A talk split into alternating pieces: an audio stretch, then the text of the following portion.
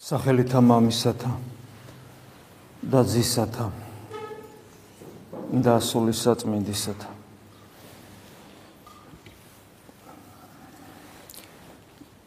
ჩვენ მას შემდეგ რაც ქრისტიანები გავხდით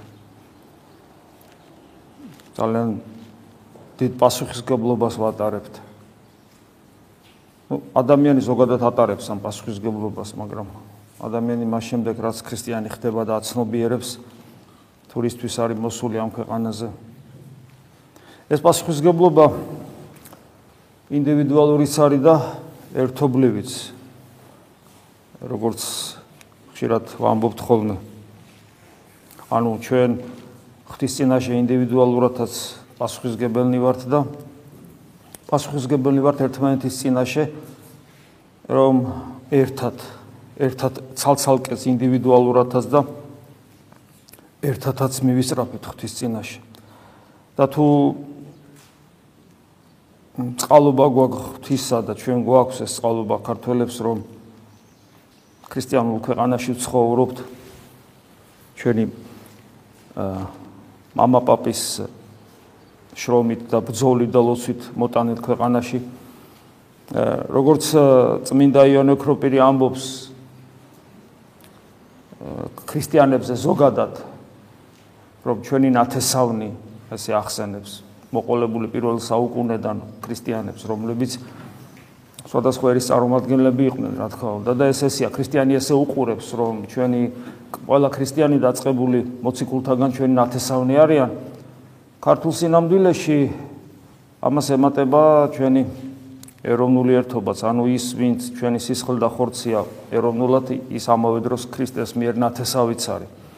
მე ვფიქრობ, რომ ეს ჩვენს პასუხისგებლობას, აი ამ გლობალურს, აა საერთო პასუხისგებლობას, თუ საფრთხისმოწყალო ტერმინით ვიტყვით ლიტურგიკულ პასუხისგებლობას. აა კიდევ უფრო აძლიერებს და ეროვნულ პასუხისგებლობას და ლიტურგიკულ პასუხისგებლობას სინონიმებად ხდის. ეს კარგიც არის, პასუხისგებლობაც მეტია, დამხმარეც არის და რა ვიცი. ის ის რაც გვეძლება ღირებული, ის პასუხისგებლობასაც გვიზდის თავისთავად ხადია. ისე არ არის უბრალოდ გვეძლება და ჩვენ ისე ვისე უნდა ვიყოთ. მაგლიერების თვალსაზრისით თუნდაც ჩვენი წინაპრების სადმი და მიმართ. ღმერთი კიდე ყველაფერს აკეთებს იმისათვის, რომ ჩვენ თავისთავად დაგვანახოს. ღმერთის დანახვა ხომ იოლი არ არის, იმიტომ რომ ღმერთი არ დაინახება ისე როგორც ამ სამყაროს მოვლენები და ფაქტები დაინახება. ღმერთი სხვანაირად იხილვება, იმიტომ რომ ადამიანს ბიოლოგიურად არ აქვს ის ინსტრუმენტი, რითაც ღმერთს დაინახავს. შესაბამისად ღმერთის ხანერად დაინახება და ამას ჭირდება იმ რესურსის გამოყენება, რომელიც მხოლოდ ადამიანს აქვს. ну სხვადასხვა ნაირად გამოითქმის ეს ხალხწმენას უწოდებთ ამას ხან ჩვენში არსებულ უკვდავებას, ხან ღვთის ხატებას, ასევე უწოდებენ გონებასაც წმინდა მამები. გონებაც ერთ-ერთი აღნიშნელია იმ იმ იმ იმ შესაძლებლობისა, იმ ინსტრუმენტისა, იმ ორგანოსი, მოდი ასე ვთქვათ, ნუ ორგანო არაპირდაპირ გაგებით. აა მაგრამ ესე შეიძლება ვთქვათ, რომლითაც ჩვენ შეგვიძლია ტრანსცენდენტული ღმერთის შემეცნება, მაგრამ ეს შემეცნება მექანიკური პროცესი არ არის. ადამიანი კეთილია თუ ბოროტია და როგორიც არ უნდა იყოს, თუ მისი თვალები ნორმალურად მუშაობს, სინათლეს ხედავს. ღმერთთან ესე არ არის. ანუ ის ორგანო, აი თვალი, ანუ თვალი მექანიკურად მუშაობს. როგორც ბიოლოგიური მექანიზმი და გონება ესე არ მუშაობს. ის გონება, ანუ ის ის ის ის ორგანო, რომელიც არის ღმერთის შემეცნების, ის ხანერად მუშაობს. იქ ის ის ითხოვს მთლიანად ადამიანურ რესურსს, ადამიანურ რესურსს ითხოვს, მათ შორის იმ ზნეობრივ რესურსს, რომელიც ადამიანს და თავისუფლებას რომელიც ადამიანს ხოველისაგან განასხვავებს. და აი ეს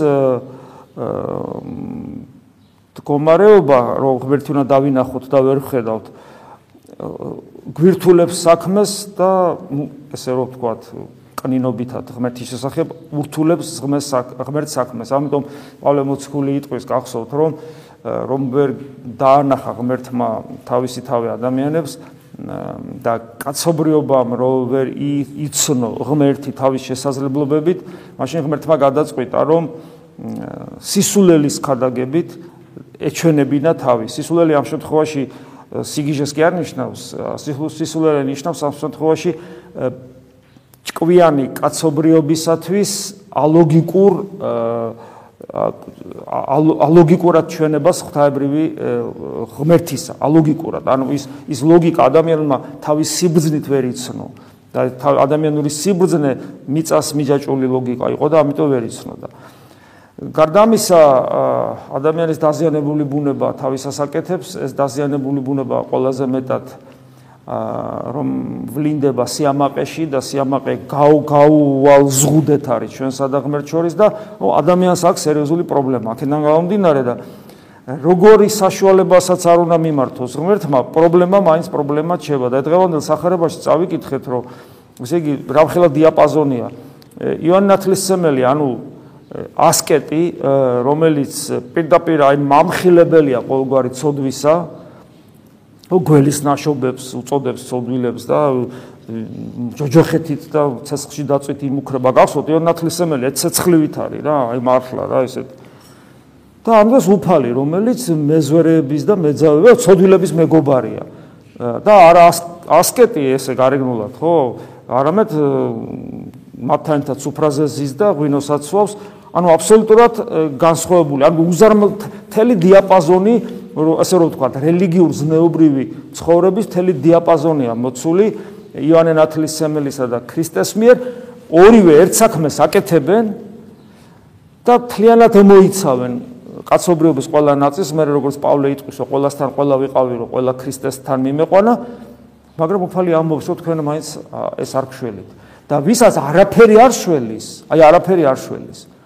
მათი მდგომარეობა არის ძალიან ძიმე, იმიტომ რომ მე უფალი ჩამოთვლის დღეს ბოლომდე აღარ წავიკითხეთ ის ტექსტი და კონტექსტი ესეა, რომ უნძიმესი, აი ცოდვის სიმბოლოებად წოდებული სოდომი გომორი, ხო აი ცოდვის სიმბოლოებად წოდებული აი იმაძე უარეს მდგომარეობაში აღმოჩნდებით უფალი გეუბნება, იმიტომ რომ ღმერთმა ყველაფერი გააკეთა იმისათვის, რომ შენ შენი თავისუფლებით გეცნო და მაინც შედეგი ნულოვანია. აი ეს არის ადამიანი თითქოს და ხშირად ვითქვავს, რომ არ არის რა კონცენტრირებული ქრისტეზე. ადამიანი გადღაბნილია ამ სამყაროში. როგორც გეუბნებით ხშირად ადამიანი ცხოვრობს ან царსულში ან მომავლის ოცნებებში და რეალურად რეალობაში ის არ ცხოვრობს და როცა ეს როცა ადამიანი ურწმუნოა კიდევ გასაგებია ეს იმიტომ რომ აწყოში ადამიანმა რა აკეთოს არ იცის თუ რამე კონკრეტული საქმე არ აქვს ადამიანს ყოველთვის საქმე არ აქვს კიდე და აი მორწმუნე ადამიანი რომელმაც თითქოს ქრისტე დაინახა მორწმუნე ხო ის არის ვინც ქრისტე დაინახა ჩვენ ხო მხოლოდ მას უწოდებთ მორწმუნეს და არა უბრალოდ ღმერთის არსებობაში დაჯერებულ ადამიანს. მორწმუნე ადამიანი რომელმაც ქრისტე დაინახა წესით წესით მზერა ვეღარ უნდა მოწყვიტოს მას იმიტომ რომ ამაზე ამაზე ამაზე დიდებული რა უნდა მოხდეს რომ ქრისტეს ღმერთობა იცნო. მაგრამ ჩვენ ხო საკუთარი თავიდან ვიცით რომ აი რატომღაც მოდი ესე კითხვა დავსვათ და ამაში დავინახოთ ჩვენი უგუნურობა და ალოგიკურება, ჩვენ ხო ლოგიკური აზროვნება გვიყვარს, ჩვენი სიამაყე რითი აპელირებს ლოგიკური აზროვნებით, რაციონალური აზროვნებით, რომელიც ძალიან მნიშვნელოვანია, საჭიროა, მაგრამ იმას თავისი ადგილი აქვს, მაგრამ ჩვენ ხშირად მას პირველ ადგილს ვანიჭებთ. და ხო და მოდი ეხლაც მივანიჭოთ პირველი ადგილი ჩვენს რაციონალურ აზროვნების უნარს, რითაც ჩვენ ჭკვიანები ვართ და რითაც ჩვენ ბევრ ნაკლებად ჭკვიანს ჯობი ვარ და ასე შემდეგ და აი ლოგიკურად დავსვათ კითხვა რომ თუ ქრისტეს ღმერთობა დამიდასტურა ჩემმაგულმა და მე ეს უკვე ვიცი და ყველაფერში ვეთანხმები წიმწმინდა წერილს. რატომ არის ისე რომ რომ გადავხედავ ჩემ ცხოვრებას, აღმოვაჩენ რომ თითქმის ქრისტესთან არასოდეს არა ვარ. რა რა ფენომენია ეს? რა ლოგიკაა? აი, აქ ლოგიკა როგორ მუშაობს? ლოგიკა მე მომხილს, ჩემივე ინსტრუმენტი, ჩემივე იარაღი მომხილს, რომ რაღაცა ჩემში ვერ არის საქმე კარგად და გადღაბნილია ჩემი ცხოვრება და ეს ეს სერიოზული პრობლემა არის და ეს არის ინდივიდუალურად თითოეული ადამიანის პრობლემა, ეს არის მთლიანად ეროვნული პრობლემა, შეიძლება ასე ითქვას, ახლა ქართულ სინამდვილეში ასაც ჩვენ ვხედავთ და საინტერესო ის არის რომ აი ამ მდგომარეობას უბრალოდ რელიგიურობა და ეკლესიურობა რომელიც ძალიან გაცვდა. გაცვდა იმიტომ რომ სინამდვილეში ეკლესიურობა რას ნიშნავს? ქრისტეს ორგანული ნაწილი ხარ. შენი თელი არა მარტო სულიერი ცხოვრება არამედ შენი ფიზიოლოგია ფიზიოლოგია ქრისტესთან ერთობაში მუშაობს. აი ეს არის ორგანული ნაწილი ხარ. შეხო სულით არ ეზიარები მხოლოდ ღმერთს, შენ სულით და ხორცით ეზიარები ღმერთს. ანუ მთელი მთლიანად გამსჭვალული ხარ, ქრისტეს შემოსილი ხარ. მაგრამ როგორც ადრე გითხარით, შემოსილობა ნიშნავს განმოსილობის შესაძლებლობას. ჩვენ რაუდენთა ქრისტეს მიერ ნათელ გვიღებიეს, ქრისტეს შეგვიმოსიეს, ეს ნიშნავს, რომ განმოსის შესაძლებლობა განმოსვის. შემოსილი, შემოსილი და განიმოსები. შემოსილობა განმოსვის შესაძლებლობას იძლევა, ანუ ეს ნიშნავს იმას, რომ მიუხედავად იმისა, რომ ადამიანი განღმრთობის გზაზე დგას, მისი საკუთარი არჩევანი არის ეს, მას თავისუფლება რჩება მაინც, რომელმაც შეიძლება თავისუფლება შეიძლება კლავ უარი ათქმეინოს ქრისტეზე და განიმოსოს. და აბა სხვანაირად როგორ უნდა შევაფასოთ ჩვენი მდგომარეობა, როცა თქვა აი ადამიანი ზოგადად დაგვიფაროს ღმერთმა ხო? ჯვარი გწერია ესე დაგვემართოს მაგრამ ხო ხდება ეს? ადამიანი ეკლესიაში მოდის ეკლესიურ ცხოვრებას იწყებს ორგანული ნაწილი ხდება ქრისტესი. ფორმალურად შეიძლება ეს ეკლესიას არ ტოვებს მაგრამ არა ქრისტიანული სულისკვეთებით ქრისტესგან შორს არის. ანუ მსგავსია ფარისევლისა, იუდასი და ასე შემდეგ იმ პეტრესი იმ დროს, როცა ის ღალატობს ქრისტეს, თუმცა პეტრე შეინანებს, მაგრამ ადამიანმა შეიძლება არ შეინანოს. ანუ ეკლესიის წიაღში ქრისტეს მოწაფეთა რიცხვში, მოციქულთა რიგში იმყოფება, მაგრამ ქრისტესი არა, როგორც შემდგომ იოანე მოციქული იტყვის, ჩვენთან იყვნენ, მაგრამ ჩვენი არასოდეს ყოფილან. ანუ ღვარძლის იგავი, ხო გახსოვთ? აი, ვერაფერ ვერ გაარჩევ ხორბლისაგან. ხო, ჩვენიანია, მაგრამ სინამდვილეში ღვარძლია და ეს არავინ იცის, გარდა ღმერთისა. და ჩვენც არ ვიცით საკუთარ თავზე. უბრალოდ ჩვენ ვიცით მეთოდიკა 2000 წლოვანი სკოლის მიერ მოტანილი, ქრისტიანული ცივილიზაციის მიერ მოტანილი მეთოდიკები, მეთოდიკები, მოდი ასე ვთქვათ, რომელიც წმინდა მამათა თხუზულებებში არის ასე მარგალიტებად გაბნეული, ვიცით მეთოდიკები, როგორ გავაკონტროლოთ საკუთარი თავი და როგორ ვიპოვოთ ჩვენში ის მდგომარეობები, რომელიც ესე იგი განგაშის ზარს დაგვიკრავს ან წითელს აგვინთებს რომ არა რაღაც არასწორი ხდება. რაღაც არაჯანსაღი ხდება. და ერთ-ერთი სწორედ აი ეს არის რომ ესე იგი ჩვენ ჩვენ რატომღაც რატომღაც უარს ვამბობთ რომ ქრისტეს უმზიროთ მუდამ და ქრისტეს მზერიდან თვალს ვიღებთ. ანუ გონებას ვაცილებთ ქრისტეს და ამის ერთ-ერთი მიზეზი, ერთ-ერთი მიზეზი ეს არის ჩვენი დაცემული ბუნების ზოგადად უუნარობა ღმერთთან ყოფნისა, ჩვენ კი ავირჩიეთ, ჩვენ კი დავინახეთ, ჩვენ კი დავიწყეთ, ჩვენ კი გონების თვალით დავინახეთ, ჩვენ კი დავიწყეთ მისი მცნებების აღსრულება, ერთგულება, მისი ძიება, ჩვენ გამოცდილებას კი შევიძინეთ მასთან ურთიერთობისა და ჩვენ ეს გვახარებს, იმიტომაც თქვა ჩვენ სულიერ ცხოვრებას საკმაოდ ხანგრძლივი პერიოდი აქვს, მადლობა ღმერთს, ანუ ჩვენს დაცემული ბუნების დაავადებულობას ერთგვარი ხანგრძლივი რემისია მიეცა. რემისია და არა განკურნება, იმიტომ რომ რო განვიკურნო, ამდენ სალაპარაკოც აღარ იქნება. რო განკურნებულები რო არა ვარ და სულ ბრძოლა გვიწევს, იმიტომ ამდენი სალაპარაკო, აი შეიძლება, შეიძლება რომ ხანდახან შეიძლება მოხდეს ისე და ამ ამაში ეს რომ შეიძლება მოხდეს ესე გვარწმუნებს ის რომ ეს ცოტა-ცოტა სულ ხდება, რომ ჩემი დაცემული ბუნება იღლება ღმერთთან ყოფნით და გონების თვალს აცილებს აცილებს ქრისტეს და იმ იმ იმ იმ პერიოდში მე აღშემილია ქრისტესთან ყოფნა და ეს არის აი როგორც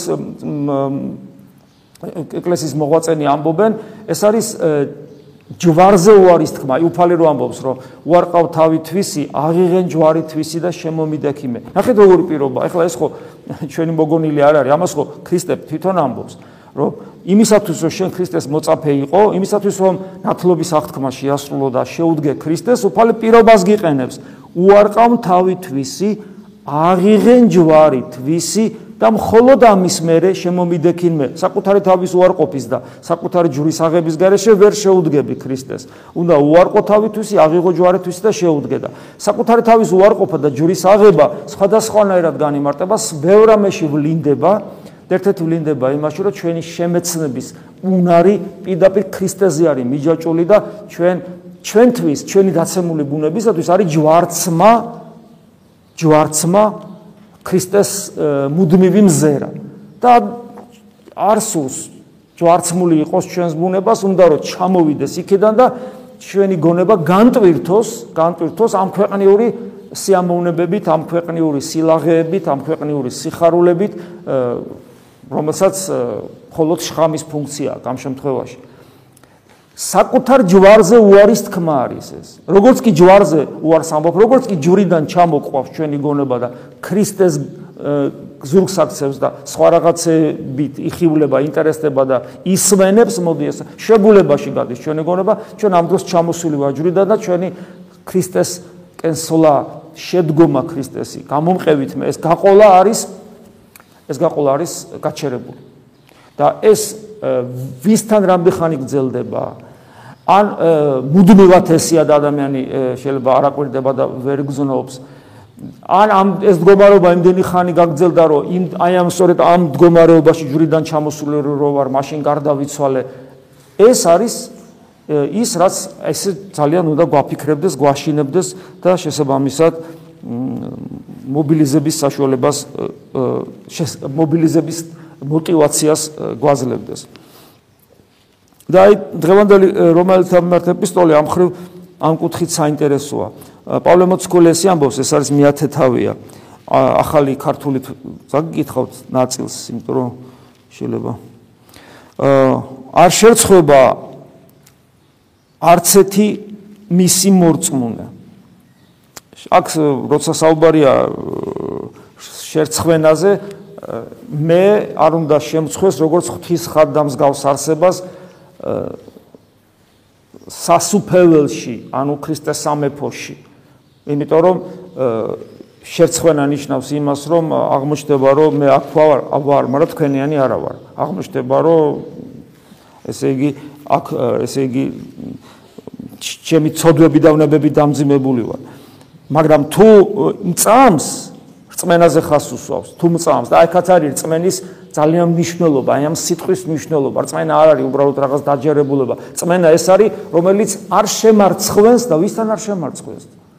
ღვთისმშობელთან არ შემარცხვენს, ოქროპირთან არ შემარცხვენს, იოსების იქასთან, გრიგო ხასთელთან, აი ამ აი ამ დასში, აი უამრავი დასი, რომელიც ჩვენ თავს გვახვევია, როგორც პავლე მოციქულებობს, აი მათთან არ შემარცხვენს. ანუ აღარ დარჩება, შემში აღარ იქნება ადგილი ცოდვისათვის და მე აღარ შევწხვები. აი ეს არის რწმენა, ანუ რწმენა ეს არის ძლიერი ინსტრუმენტი, იარაღი, რომელიც ადამიანს განწმენს, განწმენს ცოდვისაგან. ვინაიდან და შემდეგ ამბობს განსხვავება არ არის იუდეველსა და ბერძენს შორის, რაკიღა ერთია ყველა სუფალი, ეგზომ გულუხვი ყველა მის მხმობელისადმი. აი აქ ყოველგვარ ამ შემთხვევაში ეროვნულს, მაგრამ არა მარტო ეროვნულს, კულტურულს, კულტურულს და სხვა შემთხვევაში კიდევ უფრო ბევრ სოციალურ ჯგუფს და სხვადასხვა ნაწილს თავს თლიანად თელ სოციუმს მოიცავს პავლე მოციქული და გვიჩვენებს რომ რწმენა რწმენა აერთიანებს ყველა ადამიანს. და ახლა უცებ გვახსენდება ჯერ ჩვენ სამრელო შეხედოთ როგორც მაგალითი. ჩვენ სამრელოში 1000 ჭრელი ხალხი ვართ ხო? 1000-ნაირი ხასიათის წარსულის გამოცდილების და ასე შემდეგ.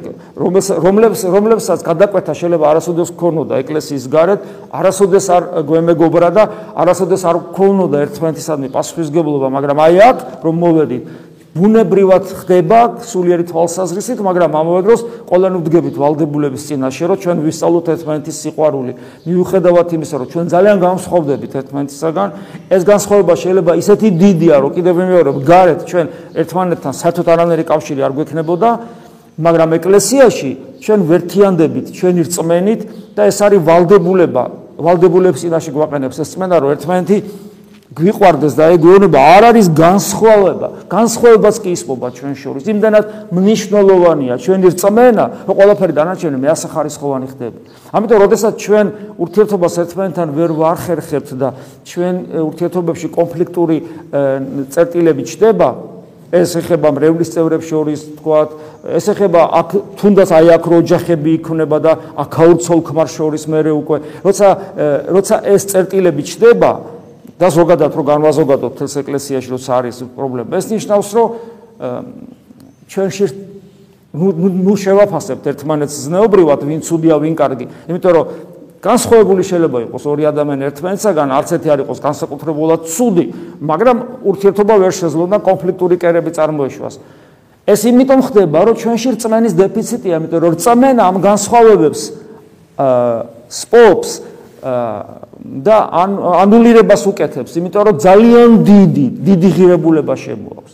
ამიტომ ჩვენში შორის როცა კონფლიქტები არსებობს, ეს მხოლოდ და მხოლოდ რწმენის პრობლემაა და რწმენის დეფიციტია და ასევე ოჯახში მეუღლებს შორის, როცა მეუღლები მორწმუნეები არიან, ეს ნიშნავს, რომ მათი რწმენის რწმენის პრობლემა აქვს. და შემდეგ რწმენის კონკრეტულ კონკრეტულ გამოვლინებას გვიჩვენებს პავლე მოციქული. პავლე მოციქული ესე ამბობს, ახლა ამას ზოლ ქართულად წაგიკითხავთ, უფრო ლამაზად ჟღერს. რამე თუ ყოველმან რომელმან ხადო სახელსა უფლისასაც ცხონდეს. ნახეთ, რამხელა დიდი ძალა აქვს რწმენით უფლის სახელის მოხმობას. გადარჩება ამბობს. გადარჩება და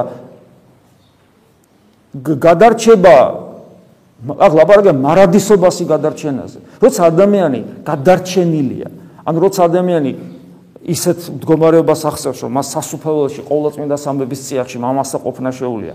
ჩვენთან ურთიერთობა არა პრობლემაა. გესმით? იმიტომ რომ როცა იქ შეგილია ყოფნა გადარჩენილი ხარ, ბუნებრივია რომ აქ ურთიერთობები ძალიან ნიოლი გადასაჭრელია ყველა პრობლემა ამ ურთიერთობებში, იმიტომ რომ ჩვენ ერთმანეთს ხო ქრისტეს თვალებით უყურებთ ამ დროს. და შემდეგ აი ესე იგი ვინც მოუხმობს უფლის სახელს ის ის გადარჩება და აი მე უკვე აქცენტირება არის მისიონერობაზე, რომელიც ძალიან მნიშვნელოვანია როგორც ჩვენთვის ინდივიდუალურად, ასევე ეკლესიისათვის და მთლიანად ერისათვის. როგორ როგორ მოუხმონ მას, ვინც არ ირწმუნეს, როგორ ირწმუნონ, ვინც არ სმენიათ, ან როგორ ისმინონ უქადაგებლად და როგორ იქადაგონ თუ არ წარიგზავნებიან და ასე შემდეგ. ანუ ნახეთ როგორი აქცენტირება ეს ჩამონათვალია მას აღარ გაგიმეორებთ ვისაც გინდა ნახავთ მაგრამ ესე იგი აქცენტირება ანუ რწმენა რწმენა დადის სადამდე მისიონერობამდე. პავლე მოციქული ხას უსვამს მისიონერობის აუცილებლობას და ეს ვალდებულება როგორც ინდივიდუალურად გვაქვს ჩვენი ცხოვრების წესით სხვა ქრისტე დავანახოთ მთლიანად ეკლესიას აქვს. ეკლესია რა უშლის? ადამიანს რომ იმისიონეროს? აი რა მიშლის? მე რომ იმისიონერო მე ხელს მიშლის ჩემი სარწმუნოებრივი დეფიციტი და აი ის რომ ეკლესიაში კი ვარ ნომინალურად, მაგრამ ქრისტესი რო არა ვარ. რომ რომ ვერ ხედავ ქრისტეს, რომ ესე იგი ამასოფლის სულმა წარიტაცა ჩემი გონება. შეიძლება აშკარა ხორციელი ცოდვით არა, მაგრამ მაგალითად სიამაყით, ამპარტავნებით, თავდაჯერებულობით ან მაგალითად ქრისტეს ვუწოდებ ვიღაცას რომელიც ქრისტე არ არის. და აი ამ რადგან სახელი ქრისტეს ვახსენებ მე ეკლესიაში ვარ კანონიკურად ნომინალურად პრობლემა არ მაქვს რომ სამარ საეკლესიო სამართლის თვალსაზრისით ყველანაირად მეკუთვნის ეკლესიაში ყოფნა მეკუთვნის ზიარება მეკუთვნის მღდლობაც კი მაგრამ შეიძლება მე ქრისტეს მაგირად სხვა ვიღაცას ვხედავ თქვა ესეთი მდგომარეობა სხვადასხვა სიტყვები გამოხატავენ. ეს არის ფარისევლობა ეს არის ფანატიზმი რომელიც ანგრევს ეკლესიას. იმიტომ რომ იმის მაგერად რომ ქრისტე იქადაგოს, ფარისეველი და ფანატიკოსი ქრისტეს კი არ ქადაგებს, თავის სარწმუნოებას ქადაგებს. თავის სარწმუნოებას ქადაგებს, რომელიც დესტრუქციულია ეკლესიისათვის, საკუთარ ამ ადამიანისათვის, ვისაც უგადაგებს მისთვის და მთლიანად, რადგან ჩვენი ერი ქრისტიანული ერია და მისი საზღვრები ემთხვევა ეკლესიის საზღვრებს, მთლიანად ერისათვის დესტრუქციულია. იმიტომ რომ ქრისტიანობა ადრეს გითხარით მე ქრისტიანობა დახურული სექტა კი არ არის. ქრისტიანობა არის ღია სარწმუნოება. როდესაც აი აი აქაც კიდევ ერთხელ როგორ ესე იგი ირწმუნებენ თუ არ იქადაგებენ და მე ამბობენ რომ ესე იგი შვენიერნი არიან სიკეთის מחარებელთა ფერხნი ეს ზოგადად ჯობია წავიკითხოთ ვითარმე შვენიერ არის ფერხნი מחარებელთა მათი მშვიდობის ანუ ეს ძალიან მნიშვნელოვანია რომ ესე იგი სწორად მისიონერობდეს ეკლესია. და ამ მისიონერობაში კიდე უდიდესი როლი აქვს ღვთისმსახურებას და ყველაზე მტკივნეულ ადგილას ვადგებით რომ აი ღვთისმსახურება ხშირ შემთხვევაში ან ისი აღსრულებული რომ მას ყველაფერი შეიძლება, ესე იგი, ყველაფერი შეიძლება მისი გამოყენება ბჭყალებში ცუდი სიტყვა, გარდა მისიონერობისა, იმიტომ რომ პირიქით დამაბკოლებელი ხდება, იმიტომ რომ ცოცხალი ღმერთის განცდა არა აქვს არც მღვდელს და არც ერის ადამიანს, რომელიც დგას და რომელიც ვერ გაიგებ ვის და რას ემსახურებიან. და ან კიდევ თქვათ უაღრესად დახურულია იმდენად რომ ადამიანს არ შეუულია თქვათ არაეკლესიურ ადამიანს გაიგოს ჩაწდეს დაინახოს შემოვიდეს და ასე შემდეგ და შემოვიდეს და დახვდეს ისეთი მყუდროება რომ გაირინდოს და გახსენებთ რომ და ფორმალურად არის კანონი ხო კათაკმეველო განვედით ანუ მართალთა ლიტურგიას არაქრისტიანი არ ესწრება მაგრამ მაგრამ მაგრამ ამას თავის დანიშნულება აქვს და სწორიც არის მაგრამ არის განსაკუთრებული შემთხვევები და გვახსენდება როგორ ესე იგი კიევის რუსეთი, კიევის მთავარი ვინც იყო, როგორ მოექცა ის მართლმადიდებლობაზე და მთელი ქვეყანა. მთავარი, თავარი მისიონერული ინსტრუმენტი ეკლესიისა რა იყო, იმიტომ რომ სხვადასხვა რელიგიის წარმომადგენლები ცდილობდნენ რომ კიევის თავარი ვლადიმერი გადასულიყო იმ რელიგიაზე, რომელსაც ისინი მისდამდნენ და მის სახით პოლიტიკური მოკავშირე მოეძებნათ, მაგრამ როგორ მოხდა ეს? აია სოფიას ტაძარში წარგზავნილები ვლადიმერისა დაესწრნენ მსახურებას და აი ამ მსახურებამ, ლიტურგიკულმა მსახურებმა გამოიწვია ის, რომ მათ დაინახეს ჭეშმარიტება სად იყო მართლმადიდებლობაში რომელიც ლიტურგიამ ლიტურგიამ შექმნა შექმნა ეს ახალი კერა საქრისტიანოსი. გესმით? აი ეს არის ლიტურგიის ძალა. და რატომ მოხდა ესე? თვითონ ამბობენ, ვერ მივხვდითო სად ვიყავითო, მიწაზე თუ ზეცაში. ადამიანი, რომელიც ლიტურგიათას დგას, მას უნდა ეკარგებოდეს რეალობის განცდა. მას უნდა კონდეს განცდა, რომ ის სამოთხეში იმყოფება. მისთვის მე ადრეს გითხარით, აი ესე იგი, ადამიანის ცხოვრება ორ ნაწილად უნდა იყოფოდეს ქრისტიანის. ლიტურგია და ყველაფერი დანარჩენი. ლიტურგიაზე როცა ის სამოთხეშია, რეალურად უნდა განისიდეს სამოთხეს. და ყველაფერი დანარჩენი, ყველაფერი პროფესია, საქმიანობა, პირადი ცხოვრება, მღვდლისათვის მისიონერობა, სხვადასხვა სამოდელო საქმეების შესრულება, აღსარება, ყველაფერი დანარჩენი, ოჯახი, მეરે და აქეთ ამხარეს მხოლოდ ლიტურგია. არის თუ არა ჩვენთვის ასე ეს? გვიფიქრია თუ არა ჩვენ ამაზე? იმიტომ რომ ჩვენთვის თუ ეს ასე არ იქნა, დამეწუნოთ ვიღაცა რომ შემოვა და დაინახავს ჩვენ როგორ ვეძებთ ღმერთს ლიტურგიაზე, ვერც ის მიხვდება თუ აქ რამე მნიშვნელოვანი ხდება, თუ ჩვენთვის არ იქნა მნიშვნელოვანი, იმიტომ რომ სანამ ჩვენთვის ასე არ გახდება ლიტურგია, წირველისა და თანამწირო თქვენ თანამწირველები ხართ, მანამდე ეს ნიშნავს იმას, რომ ჩვენ თვითონ ვერ განვიცდით იმ სახთო მადლს და დიდებულებას, რაც წირვაზე ხდება, რისი წყალობასაც ღმერთი გვაძლევს და თუ არ განვიცადე, რა გამოდის? გამოდის ის, რომ ხდება, მაგრამ მე გამტარი არა ვარ. ჩემში არ აღიბეჭდება და სხვისათვის, რომელიც ჩემს გარეშე ვერ დაინახავს. ამ შემთხვევაში, იმიტომ რომ ეს ეკლესიის მიღმა მდგომი ადამიანია და მას მისიონერობა ჭირდება. ისიც ვერ დაინახავს, იმიტომ რომ მე არაფერი არ მეტყობა და მე გულარხენად გულგრილად ვდგავარ ვიცინი რაღაცა მივდგები, მოვდგები, ვლაპარაკობ, ანუ არანაირი, არანაირი მისტიკა არ არის, არც დგომაში, არც ქცევაში, არც გამოხედვაში და ასე შემდეგ. ეს მისტიკა ხელოვნურად კი არ უნდა გამოვიწიოთ. არ ჭირდებოდ ღვთის შიშით უნდა იდო. გაფაციცებული. და მორჩა, დანარჩენს ყველაფერს ღმერთი აკეთებს. აი ეს არის და მე პავლე მოციქული აგზელებს რომ ნუ თუ ვერ ისმინდესო კითხვას ვავს ახლა აქ ლაპარაკია გასაგებია ისრაელზე მაგრამ ამ შემთხვევაში ჩვენ ჩვენ თავ ჩვენ ჩვენზე არის რა თქმა უნდა ეს ტექსტი. ნუ თუ ვერ ისმინესო ანუ ყველა ყველა ხო არ ხდება მორწმუნე და გამოდის რომ ვერ ისმინა ხო ყველა? და მე მე და ნუ თუ ვერ შეიცნო ისრაელმა კლავ ამბობს. ხო? და აი ეს ეს კითხვა რომ თუ ვერ ისმინეს და თუ ვერ შეიცნო ისრაელმა და მე რო ამბობს რომ როგორ თუ ვერ შეიცნო, როდესაც